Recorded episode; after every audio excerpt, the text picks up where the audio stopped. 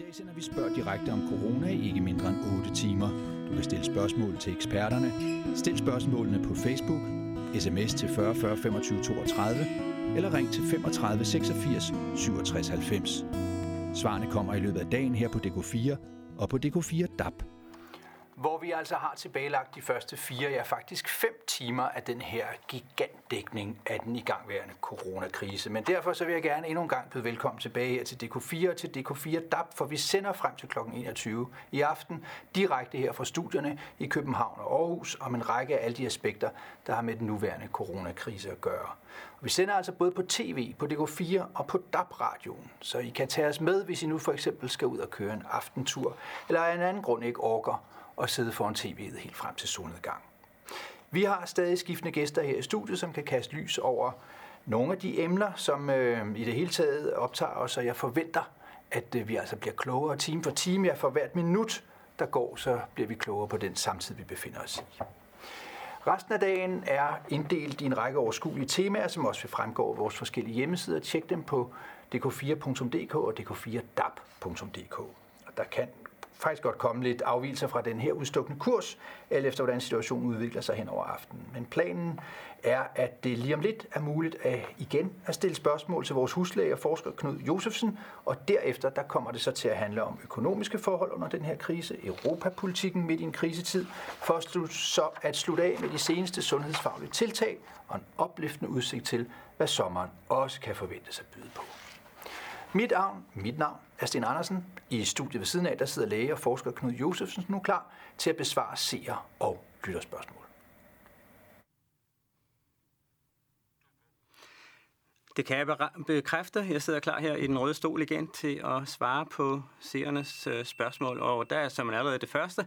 Hvorfor er man i risikogruppe, når man har diabetes 1? Øh, er man i større risiko, når man er medie 30 og er ryger? Øh, hvorfor er faktisk et svært spørgsmål at svare på, øh, fordi de undersøgelser, som øh, ligger til grund for de her anbefalinger og den viden, vi har omkring øh, kroniske sygdomme, det er øh, primært øh, sådan nogle epidemiologiske undersøgelser, altså hvor man har sammenlignet grupper af patienter, som øh, har haft en eller anden sygdom, og hvor man så ser, om de får et øh, hårdere eller mildere forløb. Så hvad mekanismen er med diabetes, øh, det øh, er man faktisk ikke fuldstændig klar over. Men jeg kan da sige så meget, at øh, type 1-diabetes patienter har normalt en dårligere evne til at, øh, til at kunne bekæmpe infektioner, og øh, det er øh, formentlig øh, det samme, der er tilfældet, når det er virus, som når det er bakterier. Øh, er man i større risiko, når man er i øh, når man er medio 30 og ryger, og der kan man sige, medio 30, øh, de er ikke øh, i, øh, i specielt høj øh, risiko. Faktisk i øjeblikket ligger øh, risiko, at dem, der, der bliver øh, hyppigt syge i øjeblikket, det ligger lidt højere, øh, i 40'erne faktisk. Øh, rygning er en risikofaktor, øh, uanset øh, hvilken alder man er. Så øh, det er en god idé, at øh, alle tilfælde at holde op med at ryge. Det er det vigtigste, man kan gøre for sit helbred og for sin sundhed overhovedet. Det giver en 10-12 år ekstra øh, liv i den anden ende. Så øh, rygning øh, er disponerende for øh, et, øh, et hårdere forløb og en, øh, en mere øh, øh, en større risiko for at blive inficeret. Vi har en ny sms, når man har hul i hjertet fra nyfødt, er man så i risikogruppen, og jeg har, jeg 32 år, har det ellers godt. Øh, og øh, det er ikke specifikt undersøgt, men øh, man ved, at øh, kroniske hjertesygdomme, kroniske lungesygdomme og også, øh, som vi lige havde, øh, endokrin sygdomme som øh, type 1-diabetes, at de faktisk øh, har et øh, mere voldsomt forløb end end, øh, end hvis man er, er fuldt øh, sund og rask. Øh, mekanismen igen øh, kender man jo ikke, øh, og øh, når man spørger meget specifikt, øh, som øh, for eksempel øh, her med, med hjertet, øh, så kan man kun sige, at øh, ud fra en gruppe betragtet, altså ud fra en gruppe af patienter, som har problemer af den ene eller den anden art med hjertet, der er der en, øh, et, et, øh, voldsommere forløb. Men øh, øh, om øh, man lige, den der med hul i hjertet, den, den, der, der har man simpelthen ikke undersøgt, fordi øh, man er nødt til at have et vist antal patienter for at kunne sige det præcist. Men øh, når man har en patient med hul i hjertet, så putter man sikkert patienten i en gruppe, hvor der står kroniske hjertesygdomme, og så bonger øh, analysen altså så ud i sidste ende. Så øh, formentlig er der en større chance øh, for at, en større risiko for at, at have et, øh, et øh, voldsommere forløb. Så øh, har vi en sms, øh, som øh, er den samme som den, vi lige havde. Men øh, jeg kan da i mellemtiden fortælle, øh, hvorfor man ikke bare laver en vaccine, for eksempel. Altså, det er jo, vi er vant til at have vacciner mod alt muligt i denne verden. Og øh, hvorfor, hvorfor laver man så ikke bare en vaccine mod den her virus? Og der må man sige, øh, at øh, det gør man også, men øh, det er sædvanligvis en ganske langsomlig proces at øh, lave sådan en vaccine. Øh, en ting er at have en vaccine, som man rent faktisk øh, tror virker, men øh, så skal der som regel afprøvninger i, i værk bagefter, hvor man altså i forskellige faser i, i befolkninger prøver at afkræfte eller bekræfte, at, at den her vaccine har en effekt. Og øh, i sådan en situation, som vi er i nu, hvor der pludselig er en, øh, en akut øh, virusinfektion, der, der lægger hele landet ned, øh, der kan man så gøre nogle andre ting, øh, fordi så vanligvis så laver man afprøvninger i øh, sådan nogle forskellige blokke, så laver man en afprøvning, og så tager man måske lidt flere patienter, og så analyserer man data indimellem, og så laver man igen en større øh, gruppe af patienter osv. Men her der kan man altså køre tingene øh, i parallel. Øh, man har også mulighed for faktisk øh, i sådan nogle situationer som her, altså det er jo, man kan sige, det er jo uetisk i virkeligheden at øh, give folk en vaccine, som, øh, som man ved ikke virker. Men det er ikke desto mindre det, som man bør gøre, hvis man skal vise en effekt af hvilket som helst lægemiddel. Så skal man jo sammenligne to grupper af patienter, hvor den ene får et aktivt lægemiddel, og den anden får et, et placebo-lægemiddel. Men øh, i sådan en situation, som vi har her, der kan man så gøre noget andet, fordi der har man sikkert flere vacciner, som man gerne vil afprøve, og der kan man altså faktisk være etisk øh, ved at give flere forskellige patientgrupper flere forskellige vacciner. Men alle de her undersøgelser, det er nogen, der tager ret lang tid faktisk at udføre, og øh, det er derfor, at man ikke lige i løbet af en måned eller to kan lave en vaccine, som man kan distribuere i millionvis af, øh, af øh, doser på. Det tager simpelthen tid også at sikre, at øh, der ikke er nogen bivirkninger, som er værre end sygdommen. Så har, har vi en telefon fra København, kan jeg høre her. Er ja. Det er Ruth? Ja, Hej, det Ruth. er det. Øh, jeg har sådan set et spørgsmål. Det er noget med, at jeg går i dagcenter. Og i sådan et dagcenter, der er vi jo temmelig ældre mennesker. Ja. Og øh, med mere eller mindre skavanker. Ja. Jeg er selv øh, kol. Og jeg tænkte på, altså, skal vi være længere hjemme end ellers normalt? Fordi vi er i, jo i en udsat gruppe. Det er rigtigt, ja. Og øh, det øh, øh, kommer lidt an på, hvordan regeringen har tænkt sig at starte Danmark op igen. Øh, man taler jo om, at man vil starte det langsomt op, altså i flere tempi, kan man sige.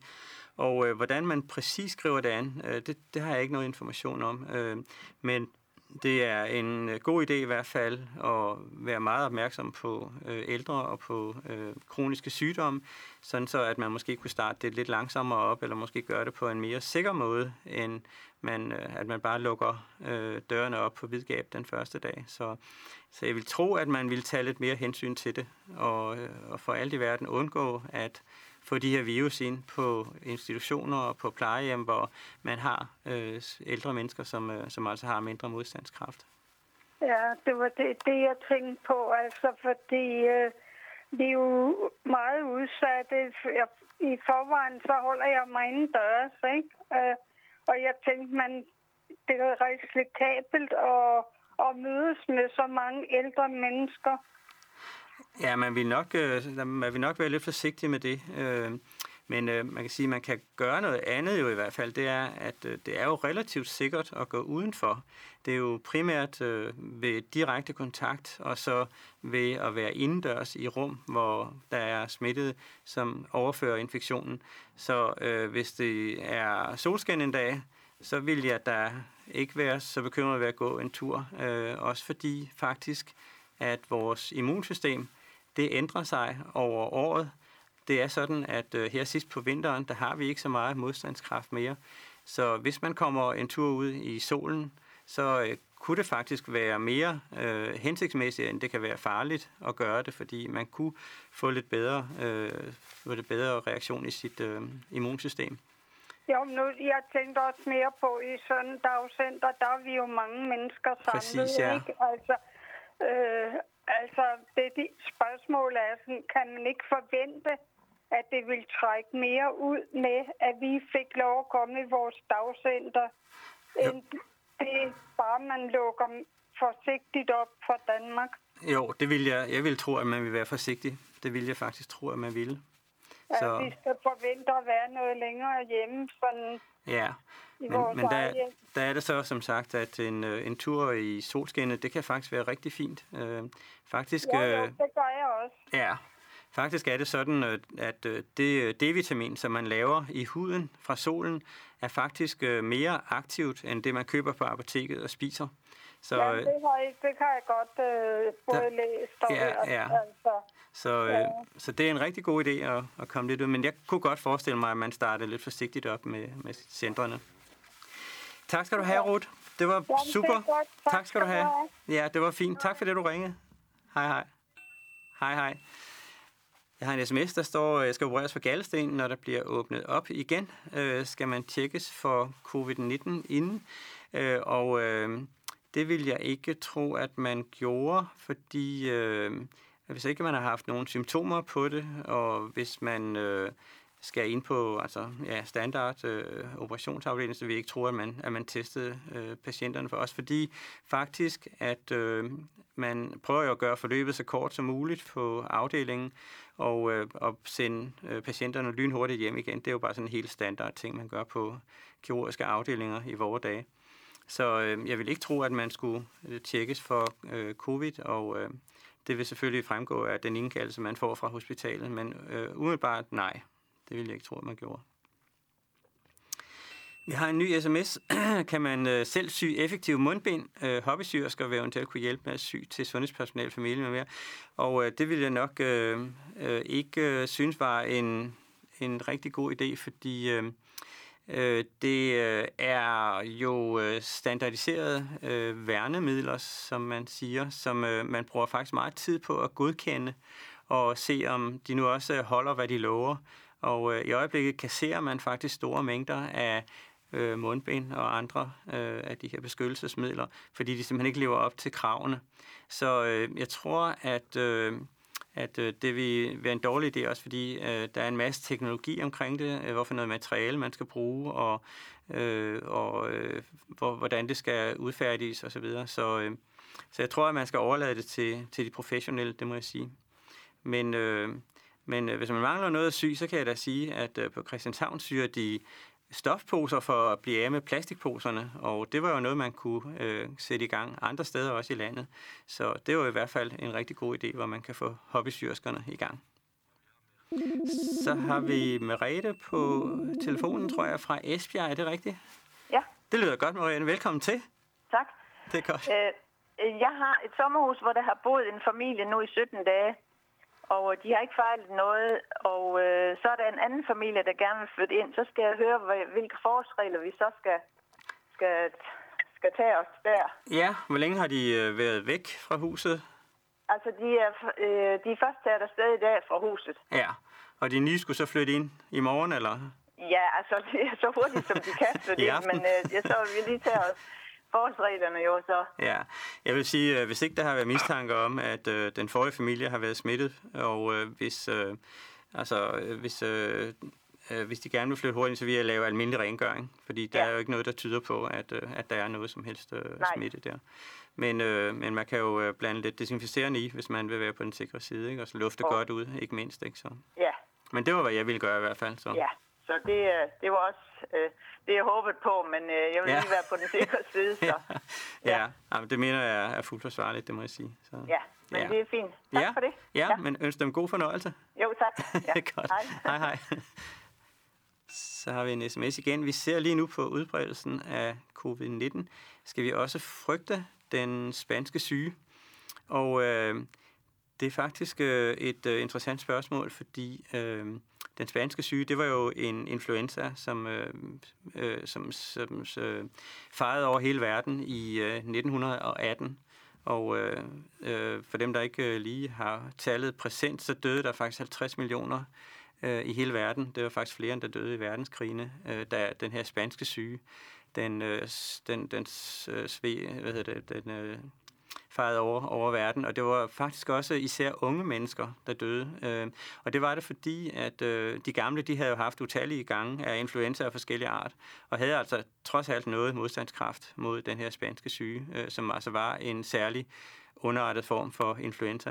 Men øh, det, der var, det, der faktisk er det interessante i det, det er, at vi har haft epidemier hver 40. år siden da af influenza. Så vi havde Hongkong-influenzaen, øh, der i omkring 1958-60 eller sådan noget. Og øh, vi forventede faktisk at se øh, en øh, influenzaepidemi igen, altså en verdens en pandemi, som det hedder, i omkring 2000. Men den kom faktisk ikke. Og øh, nu har vi så i stedet for fået øh, coronaen. Øh, og øh, hvorfor det er sådan, det er faktisk lidt mærkeligt, fordi den har været meget konstant, den her influenza, over de øh, hver 40 år. Men øh, man kan sige, at verden ændrer sig, øh, vores øh, rejsemønstre ændrer sig, og vores øh, muligheder for at gribe hurtigt ind ændrer sig. Og alle de her ting har altså faktisk kunne, kunne bryde den der, øh, den der cyklus med, med influenza. Men øh, vi kan godt risikere at få en øh, influenza, der er lige så, øh, lige, så dårlig, lige så ondsindet som den, vi havde i, i 1918. Det kan man faktisk ikke sige noget som helst om. Men det, der er rigtig vigtigt, det er jo at opfordre Øhm, det opfordrer at beboerne over i Asien til at få en bedre hygiejne på deres øh, markeder og prøve at undgå, at øh, mennesker og dyr de lever så øh, tæt sammen, som de øh, gør i øjeblikket. Øh, så man ikke øh, kan se de her... Øh, øh, man, man regner med, at det er øh, en øh, infektion, der findes øh, i dyr, hvor der altså både er nogle stammer fra mennesker og nogle stammer fra dyr, som kan gå på samme dyr. Og så der bliver dannet nogle såkaldte rekombinante stammer, altså nogle stammer, hvor, hvor de har byttet deres genetiske materiale rundt. Så øh, vi, kan sagtens, øh, vi kan sagtens se sådan nogle øh, epidemier igen, det er helt sikkert. Og også med, som vi snakkede om tidligere, med klimaforandringerne. Vi har en sms, øh, hvor antistoffer, som man danner efter, at øh, man er blevet rask af corona, øh, kan disse antistoffer ikke bruges som medicin mod corona. Øh, det kunne man øh, måske godt. Øh, man øh, havde jo et meget liberalt forhold til blodtransfusioner tidligere, øh, og øh, det har man modificeret lidt, fordi der var faktisk en hel del komplikationer ved at bare øh, flytte blod fra den ene patient til den anden. Så øh, man er mere øh, forbeholden nu mod at bare øh, bruge blodprodukter i det hele taget. Så øh, øh, det man kunne tænke sig, at man kunne gøre, det var, at øh, hvis man fandt nogle antistoffer, som rent faktisk øh, bandt den her virus, og som rent faktisk forhindrede, at man udviklede sygdomme, så vil det næste trin, man vil gøre, det var nok at lave dem øh, gensplejset, og så lave det, der hedder humaniserede antistoffer, hvor man altså i dyr kan udtrykke antistoffer, som ligner vores øh, antistoffer. Og øh, når man har fået det til at virke i dyr, så, så kan man køre det over i nogle cellekulturer og danne store mængder af det. Men øh, problemet med antistoffer er jo, at de skal sprøjtes ind i øh, patienter, og øh, det er jo øh, en noget invasiv måde at behandle de her ting på. Så øh, jeg vil tro, at øh, det vil være svært at få sådan en behandling igennem. Øh, man kunne reservere det til behandlinger senere hen i forløbet, altså hvor patienterne var meget syge, men der er det formentlig ikke så afgørende, om man har antistoffer, fordi der er det immunsystemet, som er løbet løbsk. Så øh, øh, umiddelbart så vil man nok prøve at satse på nogle andre ting, og det har jo været helt fantastisk at se, øh, hvor stor effekt det faktisk har haft på øh, befolkningen og lære dem at vaske hænder og lige holde en lille smule afstand. Nogle gange så er det øh, lys, luft og renlighed, som der stod i øh, håndbog for husmandshjem, eller hvad det var, som øh, blev udgivet i 1937. Øh, der er faktisk mange af de her gamle råd, som er ganske øh, velovervejet og ganske fornuftige. Så øh, nogle gange skal man passe på at, at keep it simple, som det hedder, altså holde det på et simpelt niveau og lave noget, som kan fungere på befolkningsniveau. Vi har en sms. Er man i en særlig risikogruppe, hvis man har et BMI på 30 eller på 40? Øh, umiddelbart så øh, har man faktisk ikke en særlig risikoprofil. Det har jeg i hvert fald ikke set. Men problemet er, at øh, hvis man har et øh, BMI på 30 eller 40, så har man tit også forhøjet blodtryk, eller man har måske også tit øh, noget hjertekar, eller noget lunge, eller noget andet kronisk sygdom, og så er man faktisk i en særlig risikogruppe. Men BMI, ren BMI på 30 eller 40, det øh, har jeg ikke set, at øh, faktisk i sig selv skulle være øh, skadeligt, men det er mere følge, øh, følgesygdommene der så. Jeg tror, at øh, vi øh, må forlade emnet i den her omgang, men jeg kommer faktisk øh, tilbage lidt senere i dag igen, og øh, bare øh, skriv løs, øh, også inden jeg er tilbage, så kan vi samle op på spørgsmålene, og øh, jeg glæder mig til at se, hvad der kommer ud af telefonen. Tak for nu. I dag sender vi spørg direkte om corona i ikke mindre end 8 timer. Du kan stille spørgsmål til eksperterne. Stil spørgsmålene på Facebook, sms til 40 40 25 32 eller ring til 35 86 67 90.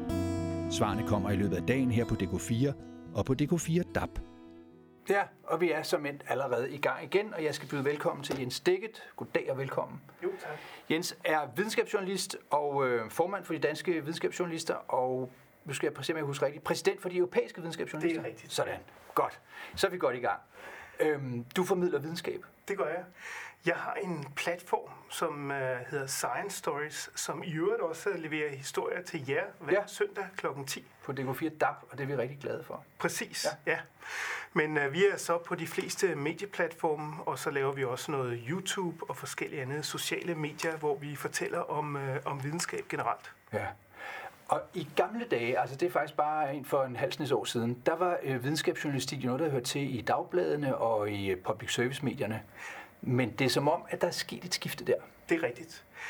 Ja, der er jo sket det, at øh, medierne har fuldstændig øh, ændret sig. Altså alle de øh, meget erfarne gamle journalister, som øh, vidste en masse ting, de er jo væk, fordi dem har man ikke råd til længere. Så nu sidder der øh, mere nogle generalister, som er gode til at få historierne til at flyde, men som ikke nødvendigvis øh, har en masse erfaring i stoffet. Øh, og det giver en helt anden måde, øh, øh, historierne kommer frem på.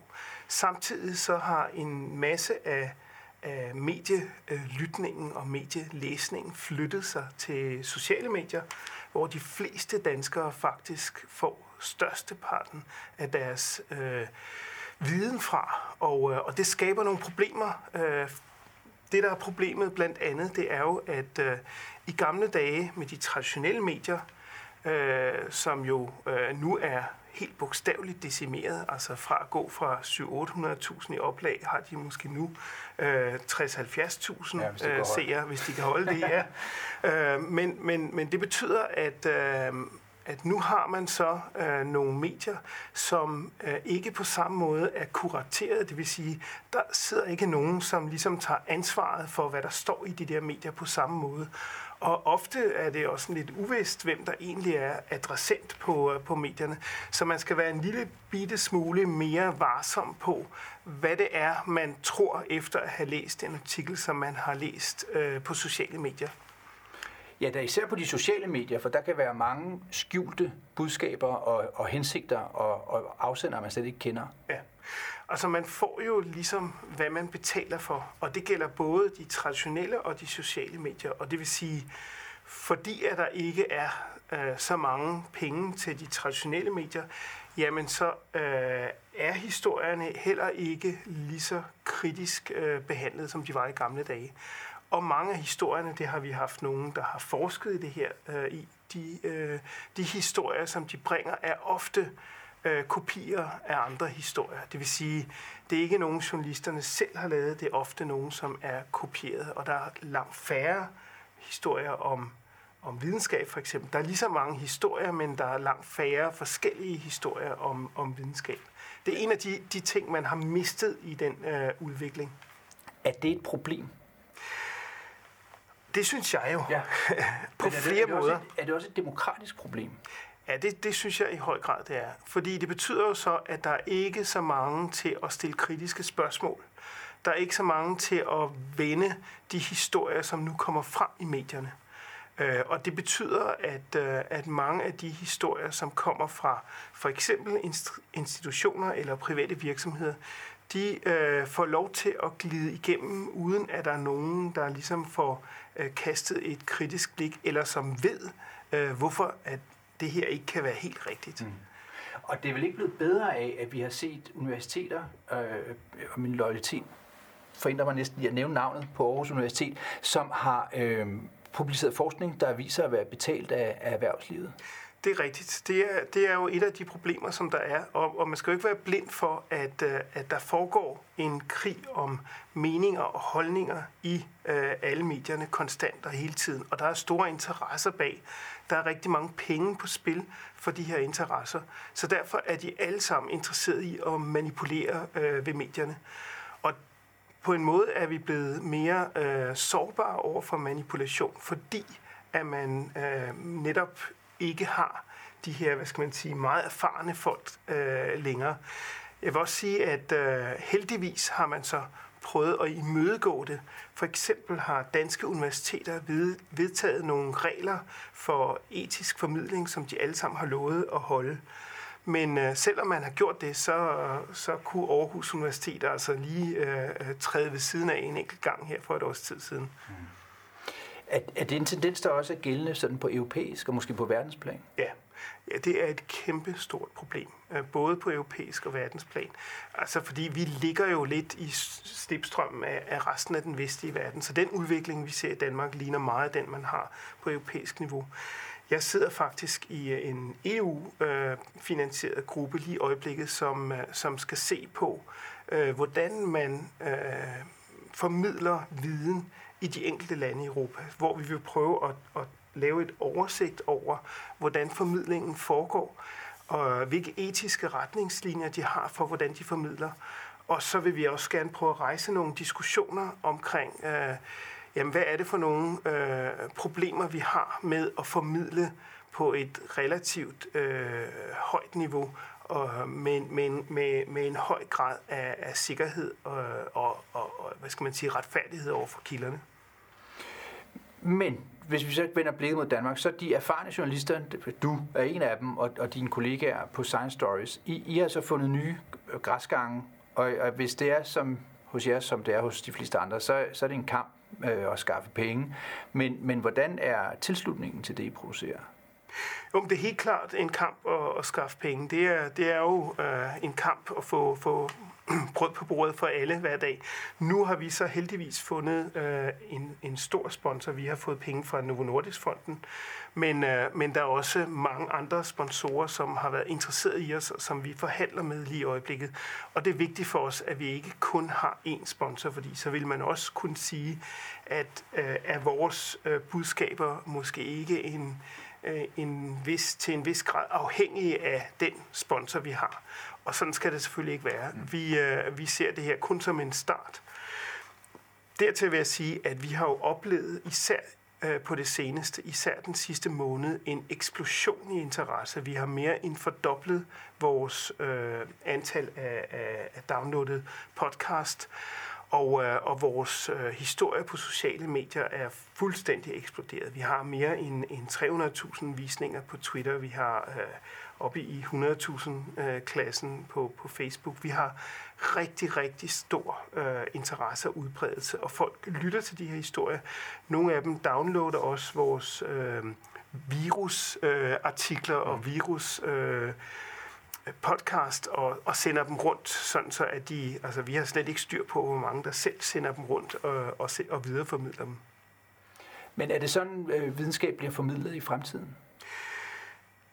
Det er et godt spørgsmål.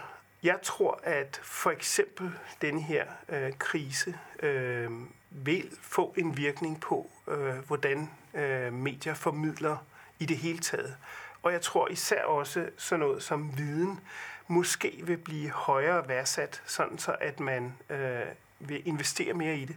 Fordi det er jo... På de etablerede medieplatforme? Ja, både på de etablerede ja. medieplatforme, men også for forbrugerne, fordi at de måske indser, at, øh, at det er vigtigt, at den viden, som, øh, som de får, har en høj kvalitet, og at man kan stole på den.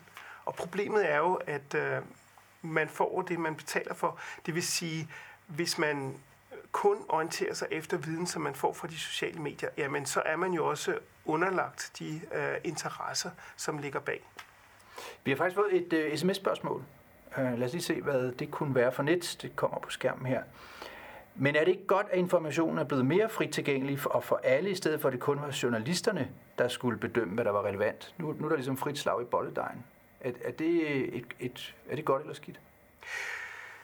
Jeg synes, at det kan være lidt problematisk, fordi at øh, det kræver jo så, at, at dem, som øh, formidler videre, at de jo har en, en meget høj grad af både viden om, hvad de beskæftiger sig med, men også øh, etik, altså sådan så, at de ikke øh, forsøger at, øh, at pådute folk øh, meninger, som der måske ikke har hold i virkeligheden. Ja. Og ingen af delene er specielt fremherskende på Facebook og alt det andet. Kan du ikke lige fortælle, når, når, man, når man er videnskabsmand og publicerer en videnskabelig artikel, så er der hele det der peer review system. Kan du ikke lige forklare, hvad det går ud på? Fordi det er jo det, vi savner i, i den journalistiske verden. Ja, det kan man, det kan man sige. Altså det, det er jo sådan, når man er, er videnskabsmand, så skal man øh, publicere for at, at få øh, penge til sin forskning.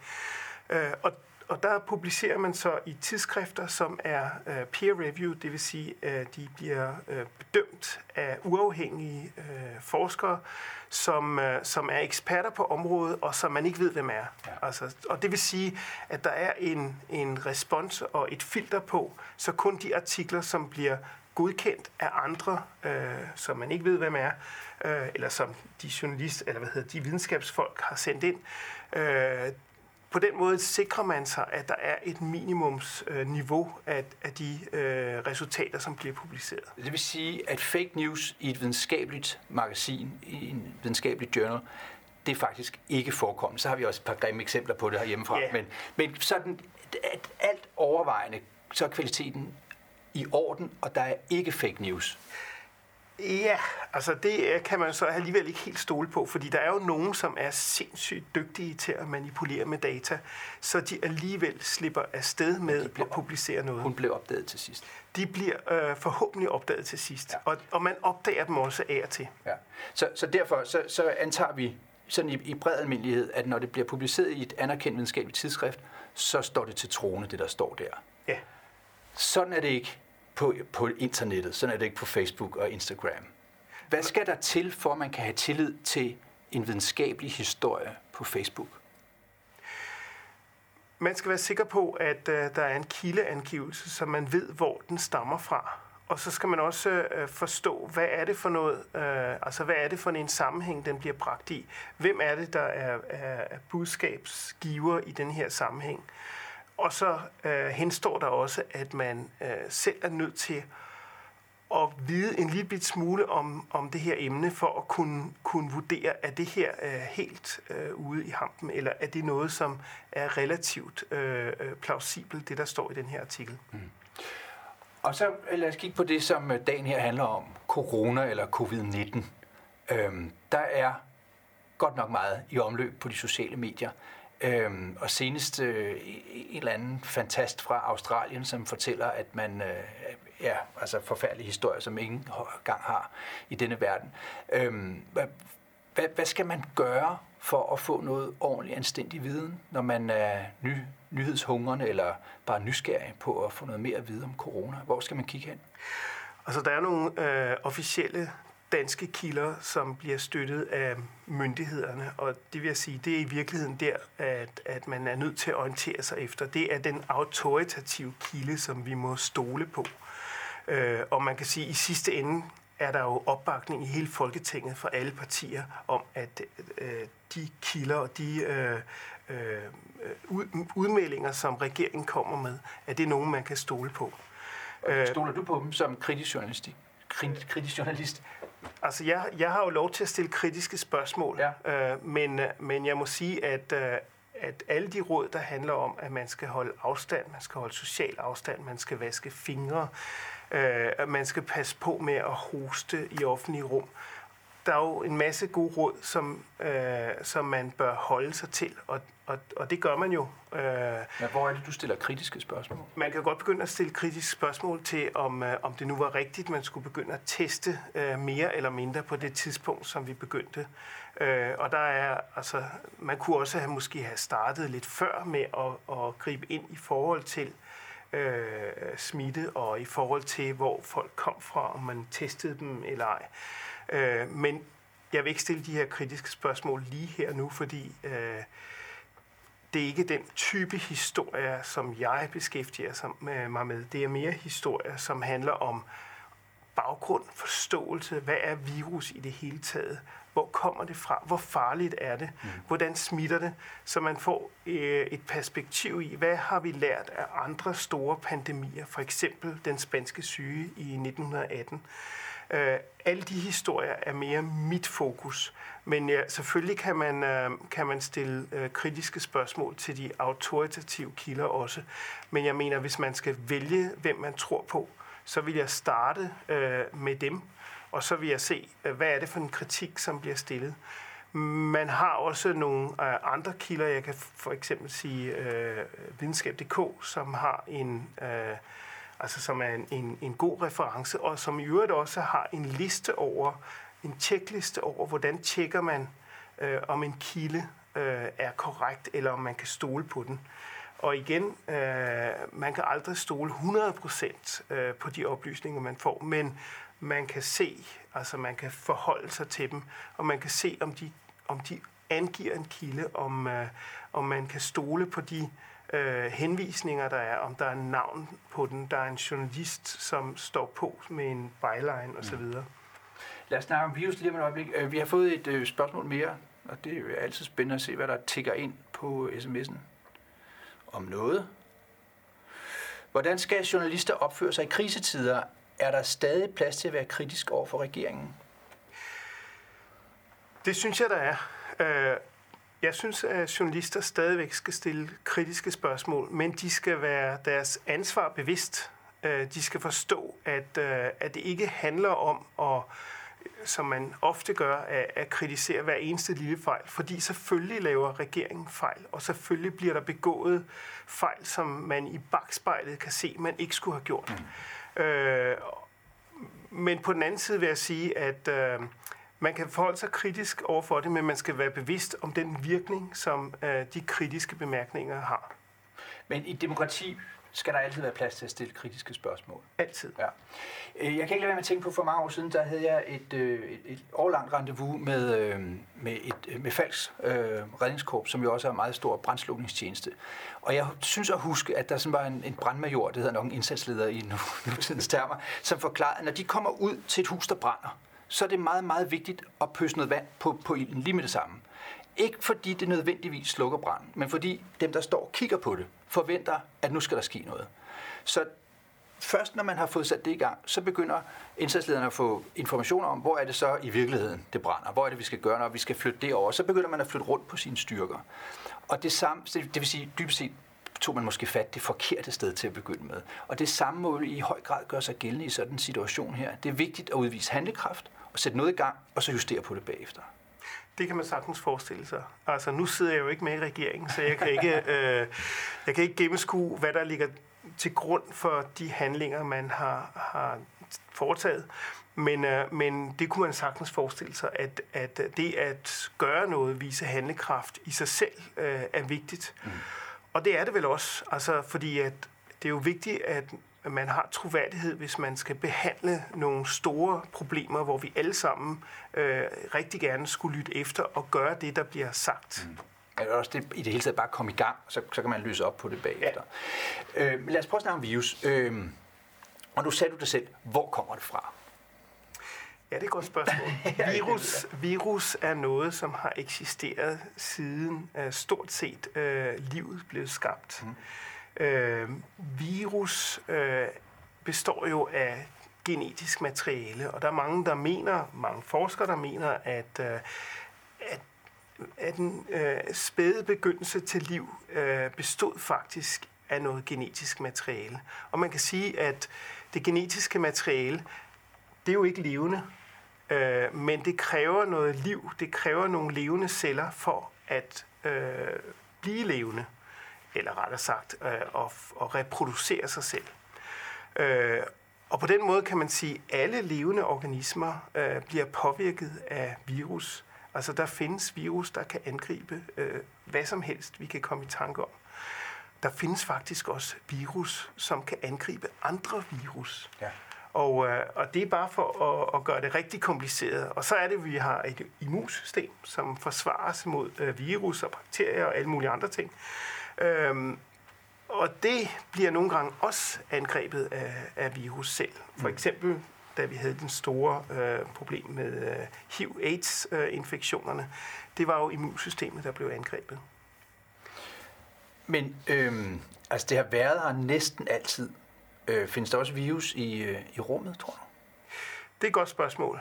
Øh, altså nu er det jo sådan, så virus øh, kan jo overleve øh, i rummet. Så, så der er ingen tvivl om, at, øh, at hvis noget kommer derud, så kan det også øh, øh, overleve. Eller kommer virus i virkeligheden derudfra, da jorden bliver, bliver skabt?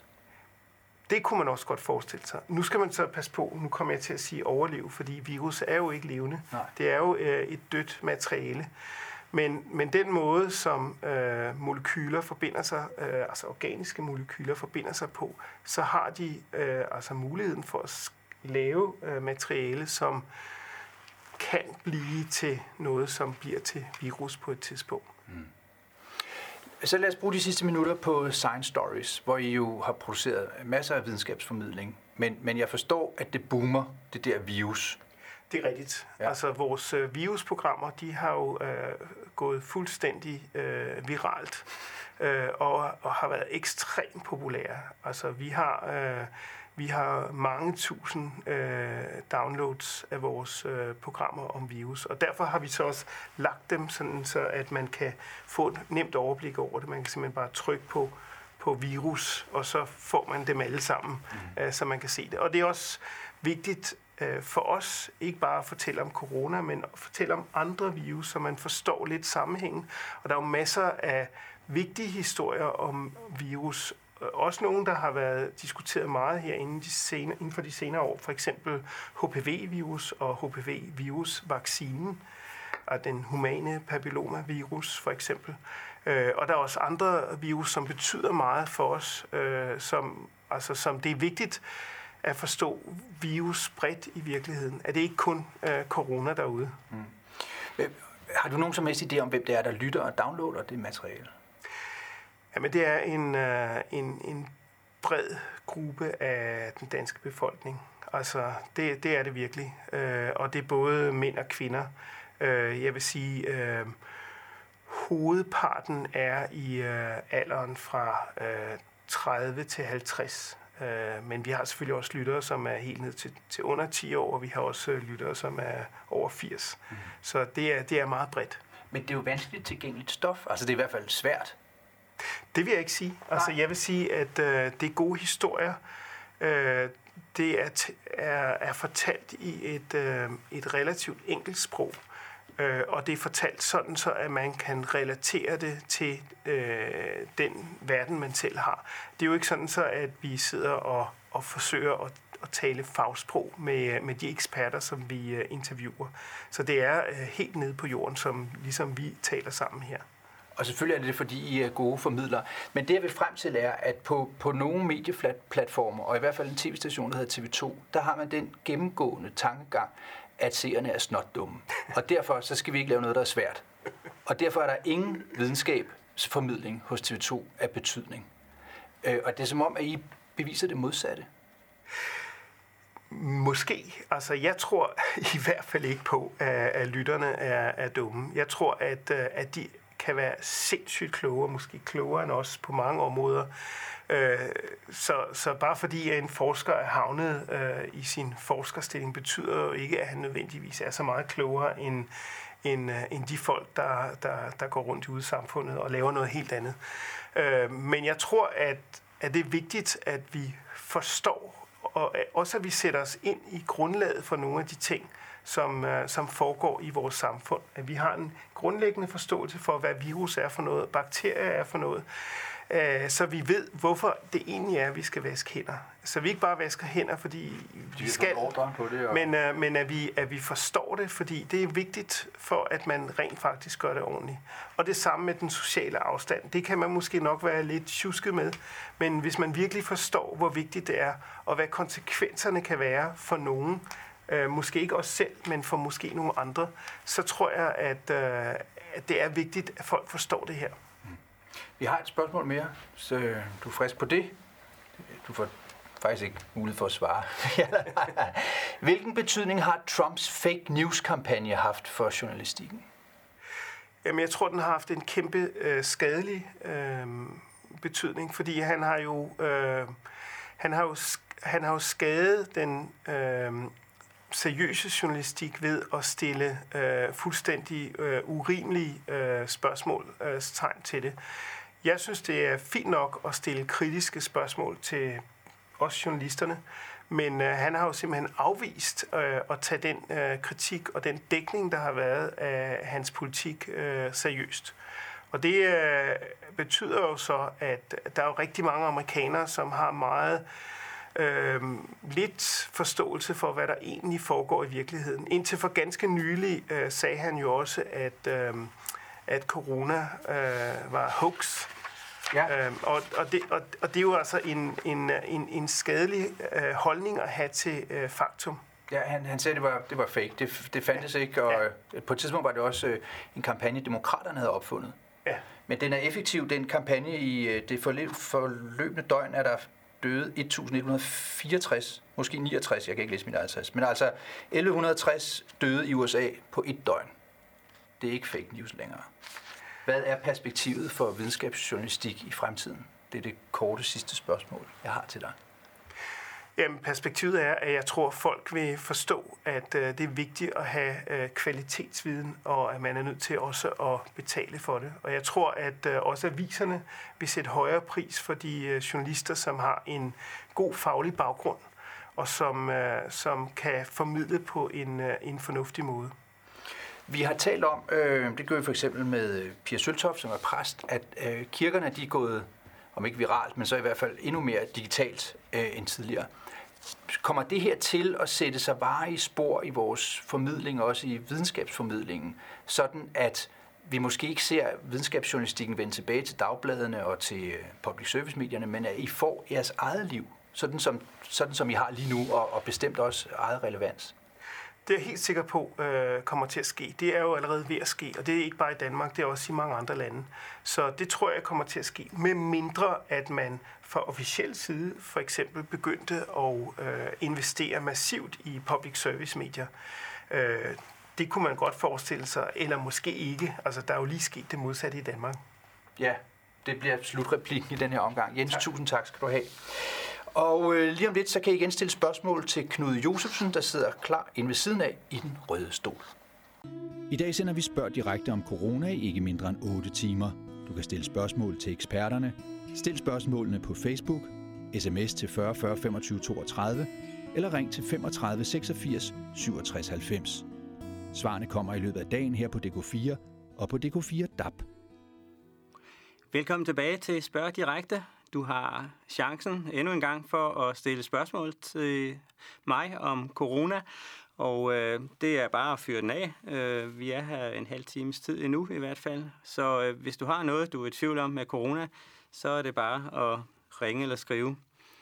Og jeg kan se, der er allerede en, øh, et, øh, en sms her, hvis man er i en særlig risikogruppe, hvis man har et BMI på 30 eller 40, og øh, det er man sådan set øh, ikke a priori, som det hedder, altså uden øh, andre øh, øh betingelser, som kan være til stede. Problemet er bare, at hvis man har et BMI på 30 eller 40, kan man have forhøjet blodtryk, eller man kan have hjertesygdom, eller man kan have andre ting, øh, som gør, at øh, man rent faktisk er i risikogruppe. Men øh, BMI øh, i sig selv er ikke en øh, faktor, som giver øh, øget risiko for infektion. Så har vi øh, en sms igen. Øh, når man begynder at åbne op for Danmark igen, skal folk så testes, inden de starter på job i skole osv. Det er ikke planen, øh, også fordi at øh, man så skal køre jo altså mange millioner tests i løbet af ganske kort tid.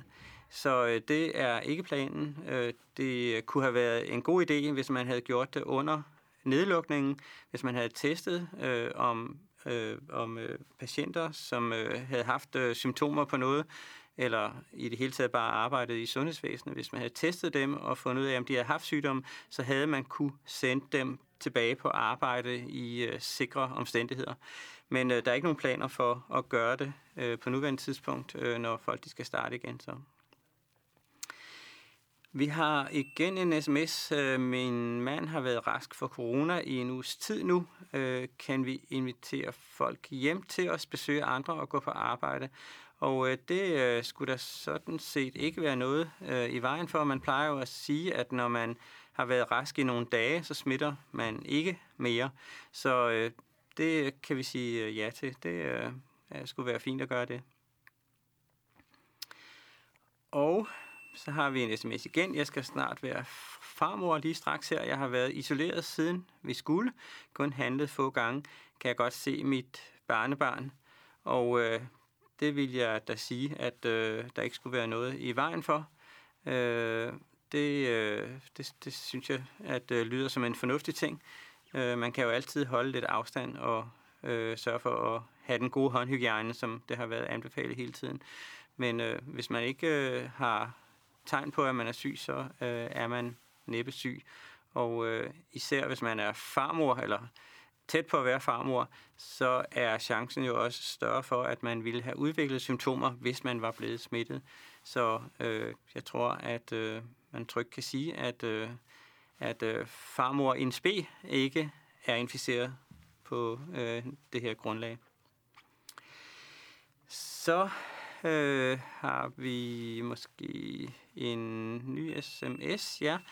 Øh, en øh, kronisk ledegigt, som får immundæmpende medicin, og for et par timer siden fik jeg hovedpine og har 37,7 i feber, skal tjekkes. Øh, med de anbefalinger, der er i øjeblikket, vil jeg faktisk øh, blive tjekket, ja. Øh, fordi der er øh, et par ting, der godt kunne pege i den retning. Øh, hvis man får immundæmpende medicin, så har man lettere ved at blive øh, inficeret.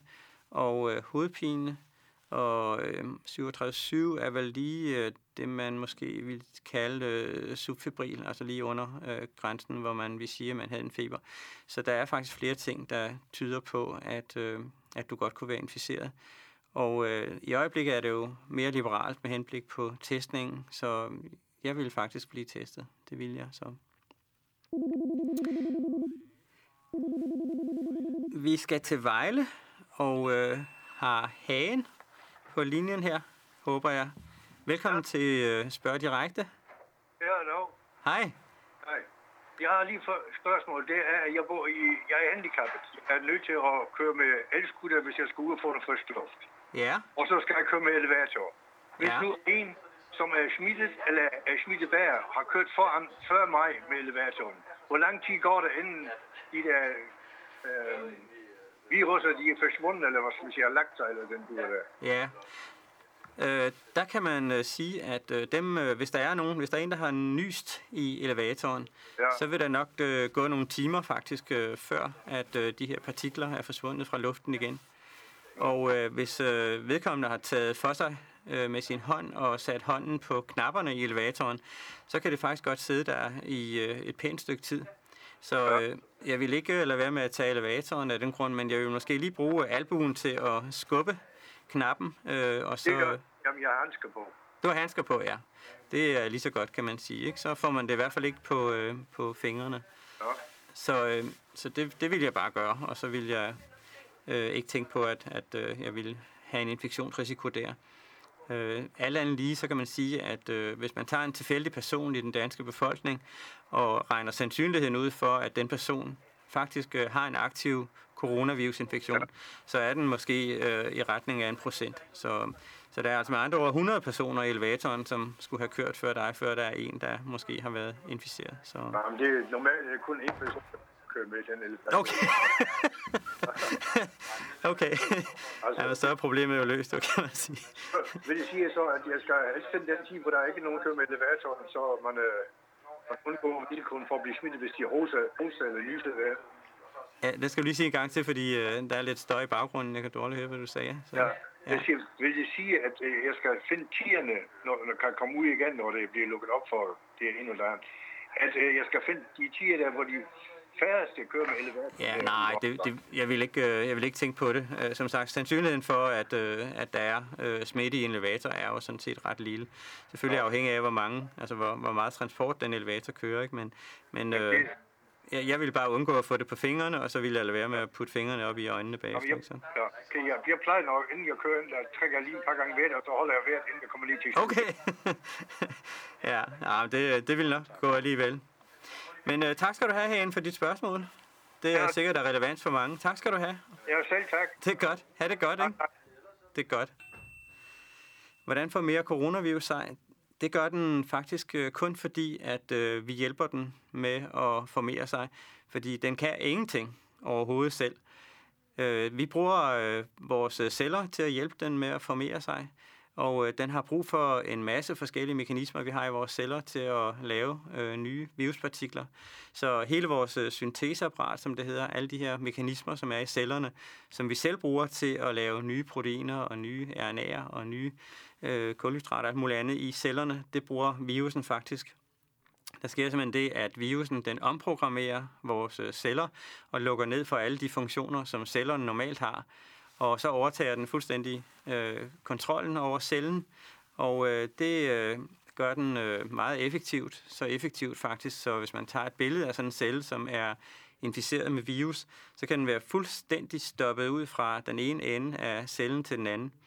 Og på det et eller andet tidspunkt, så, øh, så går cellen i stykker.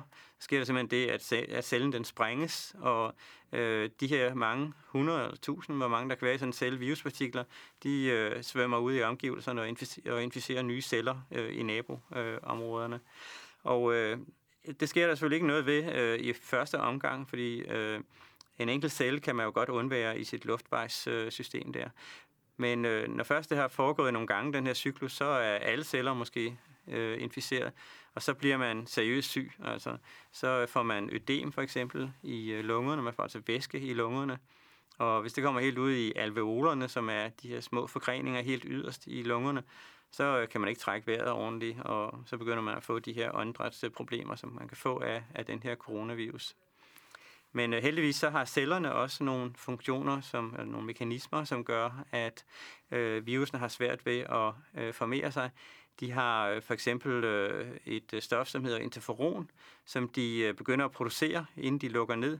Og det advarer andre celler i omgivelserne mod de her virus, som er på spil, og gør dem altså mere resistente over for øh, virusene der. Og øh, hvis man så vender den rundt endnu en gang, øh, så viser det sig faktisk også, at øh, de der virus, nogle virus, har faktisk nogle mekanismer, som gør, at øh, de kan slippe for immunsystemet. Så der er simpelthen nogle af deres gener, som koder for, øh, for faktorer, som gør, at øh, cellerne ikke kan lave det her interferonrespons, øh, som de ellers normalt laver. Så har vi en telefon igen, og øh, det er Karsten fra Hørsholm. Velkommen til, Karsten. Jo, tak. Har du et spørgsmål, som du brænder for at stille? Ja, ja. det er det er angående, jeg har en blodsygdom. Ja. Og jeg har er epilepsi. Ja. Og hvad det hedder, så vil jeg høre, hvad, om det har noget indflydelse. Ja. Og man, man, øh, altså, hvordan man tager sådan noget. Ja, det kan... Da... Og så, så samtidig med, så det er først i næste måned igen, der skal jeg jo cirkusrevyen. Der kan det være, at det er væk. Ja. Men så er jeg bare der, hvis... Altså, hvordan og hvorledes man, man, man skal forholde sig.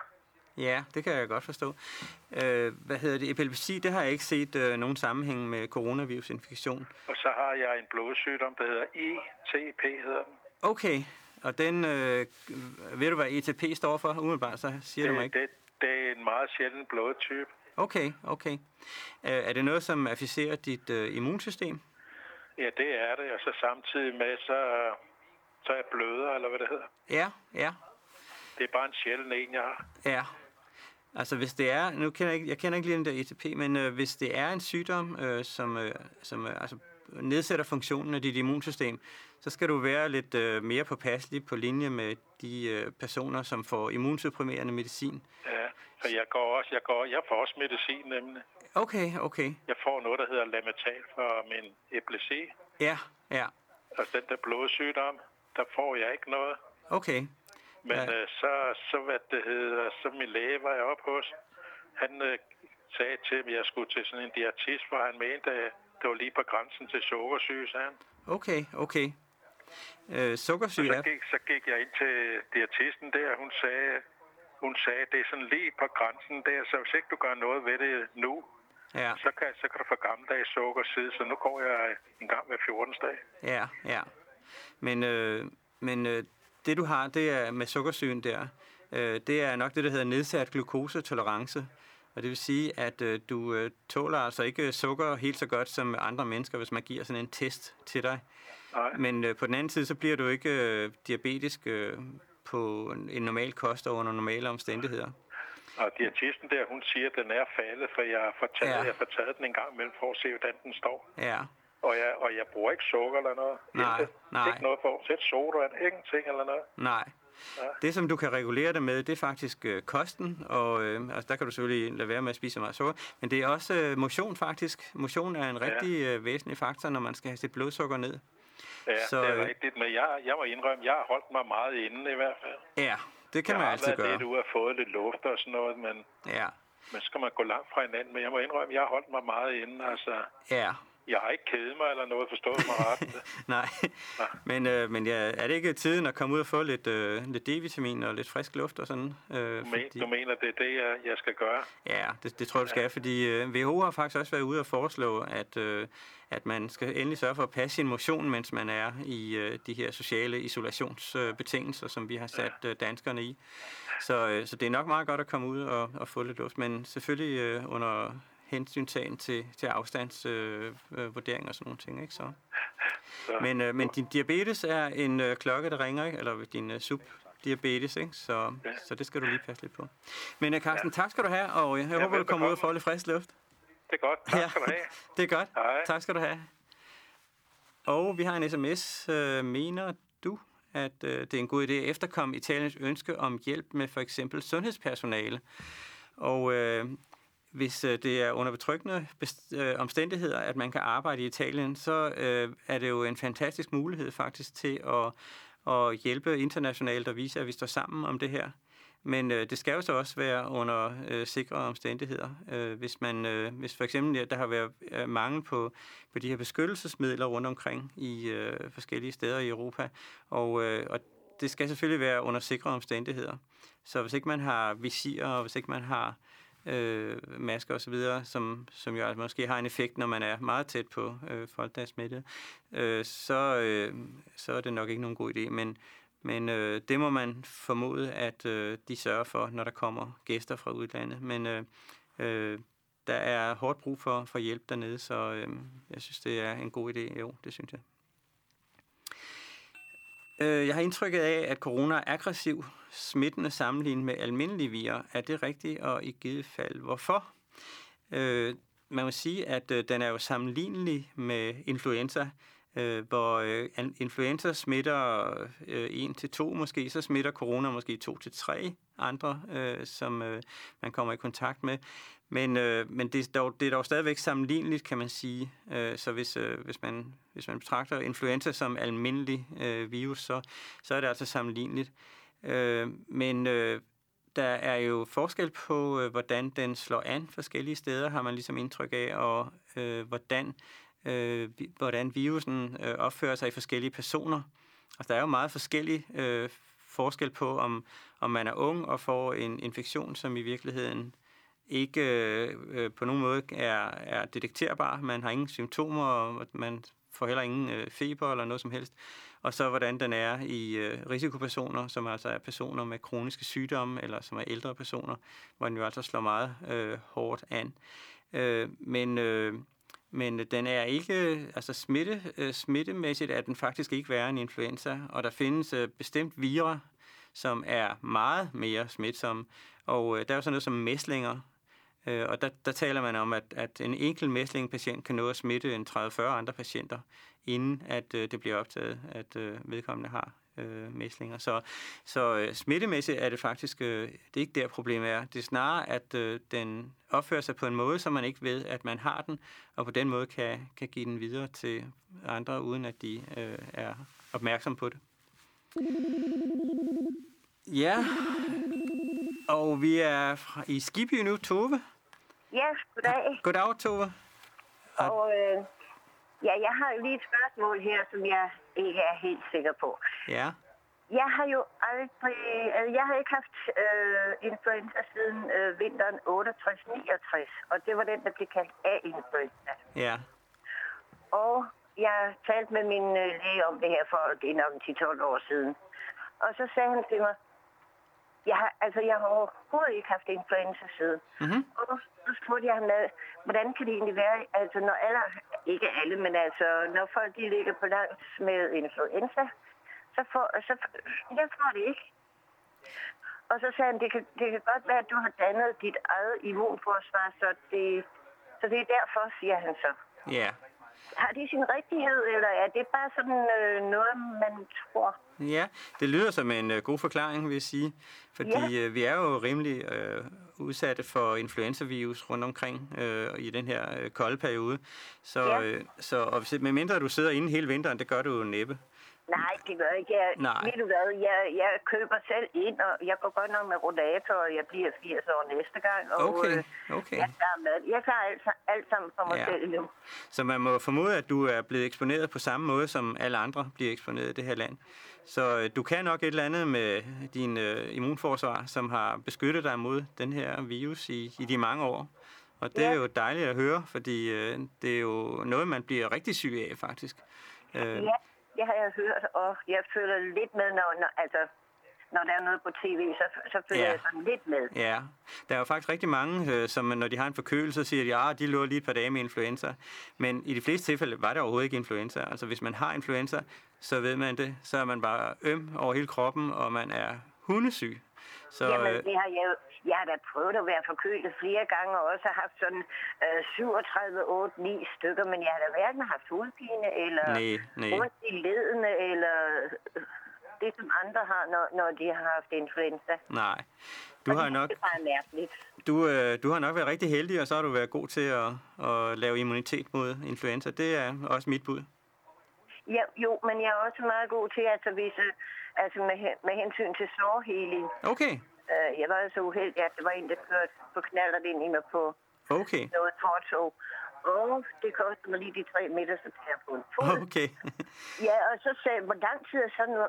Altså, der kommer hverken klips eller sygtråd, har jeg sagt, sådan nogle tæer der, eller Ja, stumperne. Ja. Og det er det, jeg tænker på. Der bliver sagt, ja, altså i din, med din alder i betragtning, så kan det godt gå 5, 6, 7 uger, inden det er helet. Ja, ja. Det tog tre uger og to dage. Tillykke med og det, så var Tove. jeg og få det kigget efter, om det nu var rigtigt. Jamen, er du sikker på? Ja, det Ja. er jeg sikker på. Det er jo min, Ja, det er min fod, der drejer sig. Jo. ja. Ved du hvad, altså, øh, Tove, jeg jeg, er syg på almindelig vis. Altså, jeg, jeg har nogle kroniske ting, men det er noget arveligt noget der. Det er Ja. øh, bare at finde mig i. Det er super. Tove, jeg siger tak for dit spørgsmål, fordi øh, der, så, der er et par, par spørgsmål mere, vi skal nå her med corona, Ja. så, så held og lykke med de 80 år. Jo, jo tak. Godt. hej. hej, hej. Tak skal du have. Hvor høj skal alkoholprocenten minimum være i håndsprit, for at man er sikker på, at den dræber virus? Øh, 70 procent, øh, plejer man at sige. Øh, I hvert fald 60-70 procent er, er, øh, er fint. Øh, og så øh, plejer jeg jo altid at tilføje, at øh, sæbe er også fantastisk. Og øh, det er det fordi, at, øh, at øh, virus de har øh, tit sådan en, øh, en lipid øh, membran omkring sig, og altså en, en fedt hinde omkring sig, og hvis den bliver nedbrudt af sæben, så er øh, viruset også færdigt. Så, øh, så øh, øh vand og sæbe og god hygiejne og ingen fingre i mund og næse og øjne, det er også rigtig godt, men øh, hvis man skal op i alkohol, så skal den altså være den en, en 70 procent. Ja, og øh, så skal vi lige se, om der kommer et spørgsmål til. Øh, kan almindelig udåndingsluft smitte? Det kan det faktisk godt. Øh, man er begyndt at snakke om øh, aerosoler nu, i stedet for dråbeinfektioner. Øh, dråbeinfektioner, det er jo sådan ligesom makroskopiske dråber, som man kan se, øh, når man nyser. Og der kommer altså i tusindvis af sådan nogle dråber ud med høj hastighed, når man nyser. Aerosoler er så mindre, og øh, de aerosoler kan man faktisk også blive smittet af. Og øh, dem øh, udånder man faktisk hele tiden, bare man ånder normalt, eller bare man, eller hvis man synker, eller sådan nogle ting. Så almindelig udåndingsluft kan faktisk smitte, hvis man øh, ellers øh, står i nærheden af en person, som er øh, inficeret. Øh, ja, og det lyder godt med en telefon, tror jeg, vi har her. Og så kom telefonen igennem. Ja, er her i studiet. Hvor er du hen? Har vi en seer igennem på telefonen her? Ja, det har vi da. Det lyder rigtig godt. Hvor er vi henne i verden? Det er, det, er, det er Kaj fra Tåsinge. Hej, velkommen til. Jo, tak. Det er godt. Den der influenza eller corona, vi har, kan den mutere? Det kan den godt. Og, øh, det... og, og er den begyndt på det, så man lige pludselig kan blive ramt på en helt ny måde? Ja, øh, den er faktisk øh, muteret mange gange, siden den startede over i Kina. Den er faktisk øh, muteret så mange gange, så man kan følge den undervejs øh, og lave sådan en lille øh, udviklingstræ på den, så ja. vi kan se, øh, hvor, øh, hvor den kommer fra. Fordi hver gang øh, den muterer, så betyder det jo, at alle, øh, alle, alle efterkommerne af virusen, de har samme ændringer i øh, genet der. Så, øh, så vi kan faktisk bruge det til at, at følge den der virus gennem verden med. Så det er ret interessant, og den muterer hele tiden, og coronavirus er faktisk en virus, som er glad for at mutere. Så, øh, så den er ikke rigtig til at vide, hvor vi har den henne, må man sige. Kan den så komme tilbage igen og, og, og ramme lille Danmark på en ny måde? Det kunne man godt forestille sig, hvis øh, nogle af de der mutationer, de sidder i overfladen af virusen, det er nemlig der, hvor immunsystemet griber fat i virusen, så kunne man sagtens forestille sig, at øh, den kom igen på et senere tidspunkt faktisk. Ah, fordi det synes jeg ikke, man har hørt noget om, men altså, det kan også være mig, der ikke har hørt det. ja, ja. Ah, nu, vi har jo nok at bekymre os om i øjeblikket, kan man sige. Så ja, det kan være, at man har holdt lidt igen med nyhederne, ikke? Men, øh, men det er ja. faktisk muligt at, øh, at se det igen.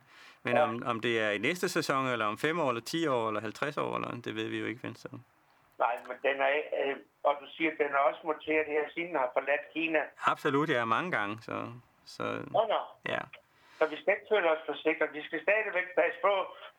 ja, og man kan sige, det vi kan lære af hele den historie her, det er jo, at øh, også i andre henseender, for eksempel med hensyn til influenza, har det været en rigtig, rigtig, rigtig god idé at øh, vende, øh, vende sig til at vaske hænderne en gang imellem og undgå at, at røre ved, ved for mange øh, offentlige ting og, og undgå at få, få fingrene i øjnene og sådan, ikke? Så, ja. så det er jo noget, vi kan tage med, og som vi kan nedsætte influenza-hyppigheden med her næste år. Ja, ja men øh, det var fint. Det var bare lige det, jeg vil høre. Jamen, det var et glimrende spørgsmål, Kai. Tak skal du have, fordi du ringede. Ja, selv tak. Det er godt. Ja. Ja. Her, hej, en god aften. Hej, hej. Vi har en sms. Øh, hvorfor får vi ikke talt på personer, der er kommet ud af respirator? Øh, det er et godt spørgsmål. Det kan jeg faktisk ikke svare på, hvorfor vi ikke øh, gør det. Men øh, øh, det er et øh, godt spørgsmål, fordi at jeg synes også, det er vigtigt at fokusere på, at øh, langt de fleste faktisk aldrig opdager, at de har corona, hvis de får det.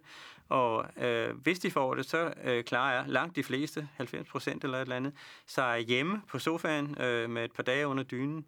Og øh, hvis de kommer på hospitalet, og hvis de ovenikøbet kommer på intensivafdeling, og hvis de ovenikøbet havner i en respirator, så er det faktisk størstedelen af dem, som kommer ud igen.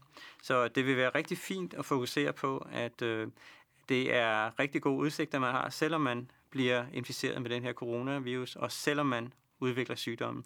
Så øh, et, øh, et, en god pointe, vi skal fokusere på, at øh, der er et øh, lys for enden af tunnelen. Ja, øhm, lad os se, om vi har en S. For BBC så jeg eksperter udtale, at virusen også kan spredes, når man taler og ånder. Burde Sundhedsstyrelsen ikke oplyse om det? Og øh, jo, det burde de faktisk, men det er faktisk øh, ret øh, nyt, tror jeg. Det var det, jeg lige øh, refererede til for et øjeblik siden, hvor jeg snakkede om aerosoler, om små øh, øh, og små mikroskopiske dråber der, som kan svæve rundt. Så øh, øh, det er faktisk øh, et, øh, et øh, om man så må sige, øh, problem. Det kan faktisk godt forekomme. omvendt så må man sige, at, øh, at øh, ingenting er jo, øh, altså, er jo, er jo øh, altså fuldstændig øh, rigidt. Øh, man kan jo ikke øh, give nogle faste grænser for, at øh, hvis man er så også mange meter væk, så bliver man ikke smittet, og hvis man er så også mange meter væk, så bliver man netop smittet. Så øh, de har åbenbart skønnet i Sundhedsstyrelsen, at, øh, at de regler, som øh, man allerede har ude i befolkningen, at de øh, har en effekt, og at de er, øh, er nok til at øh, også øh, rumme den her nye viden. Det vil være mit bud på, hvorfor man har gjort det. Vi har en telefon igennem, tak. og det er Lisa Ja. Fra Midtjylland. Hej Lisa. Hej, hej. Hej, Er det Knud, jeg taler med? Det kan du tro, ja. Nå, det er godt. Ja. Nej, men det er fordi, at Knud, jeg har et spørgsmål omkring med at få taget blodprøve, men jeg vil bare lige kort gøre, hvad jeg, hvad jeg fejler. Jeg er i risikogruppen. Ja.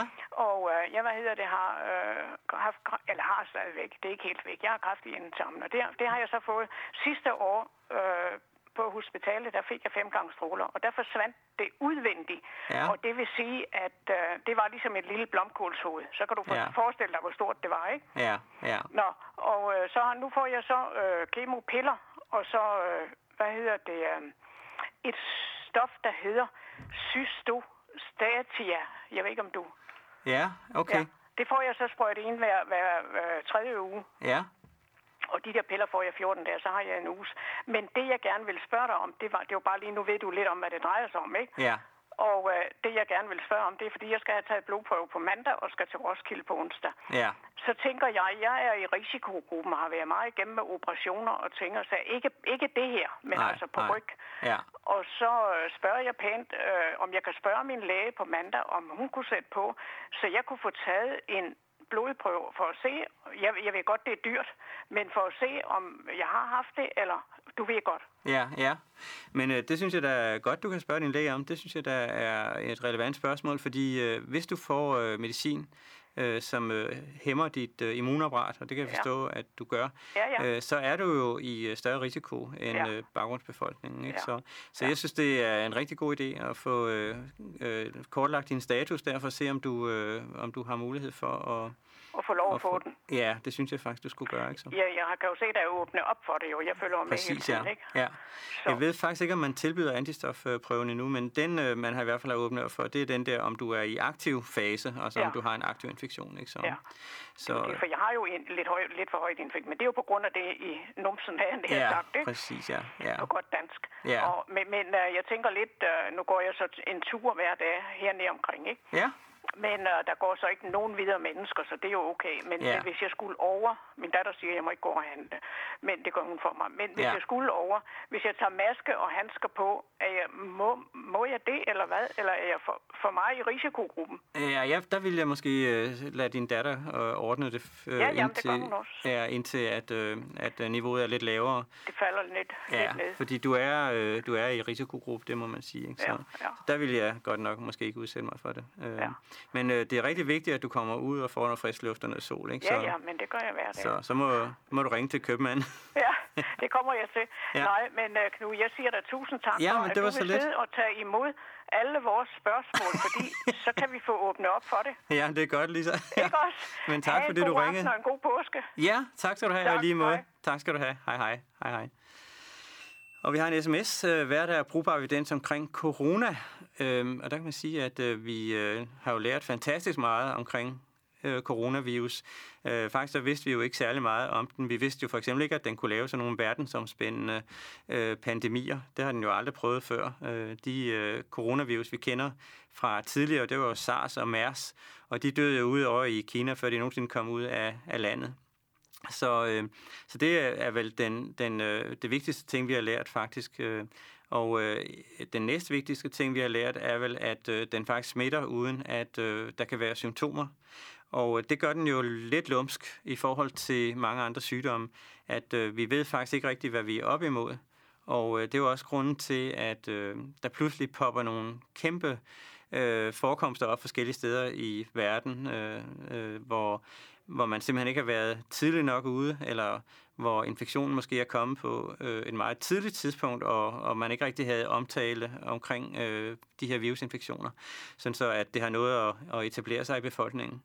Så øh, øh, de ting er, er nogle af de rigtig vigtige ting, og det vi også lærer meget om i øjeblikket, det er jo, øh, hvad vi kan behandle den med, hvis, øh, hvis det øh, er interessant at gøre det. De fleste kommer sig som sagt uden, at øh, de bliver behandlet med noget som helst. Men øh, der er jo nogle, nogle personer, der bliver meget syge af det, og hvordan vi behandler det, det er også noget, vi lærer i øjeblikket, fordi at flere hospitaler herhjemme og i udlandet har sat øh, forsøg op med, med lægemidler. Så, så vi lærer rigtig meget om den virus øh, i øjeblikket, det er helt sikkert. Øh, vi har en sms, mener du, at en god idé at efterkomme Italiens ønske om hjælp med for eksempel sundhedsplan? Den har vi faktisk lige uh, svaret på, men det gør ikke så meget. Øh, hvis det er under sikre øh, omstændigheder, så er det en rigtig god idé at hjælpe hinanden. Øh, og øh, Italien har jo tidligere haft øh, hjælp, øh, brug for hjælp også til til alle mulige andre ting, og det er jo en øh, opgave, som man bør se som en øh, fælles øh, europæisk opgave, og få de her ting øh, øh, godt i, i havn.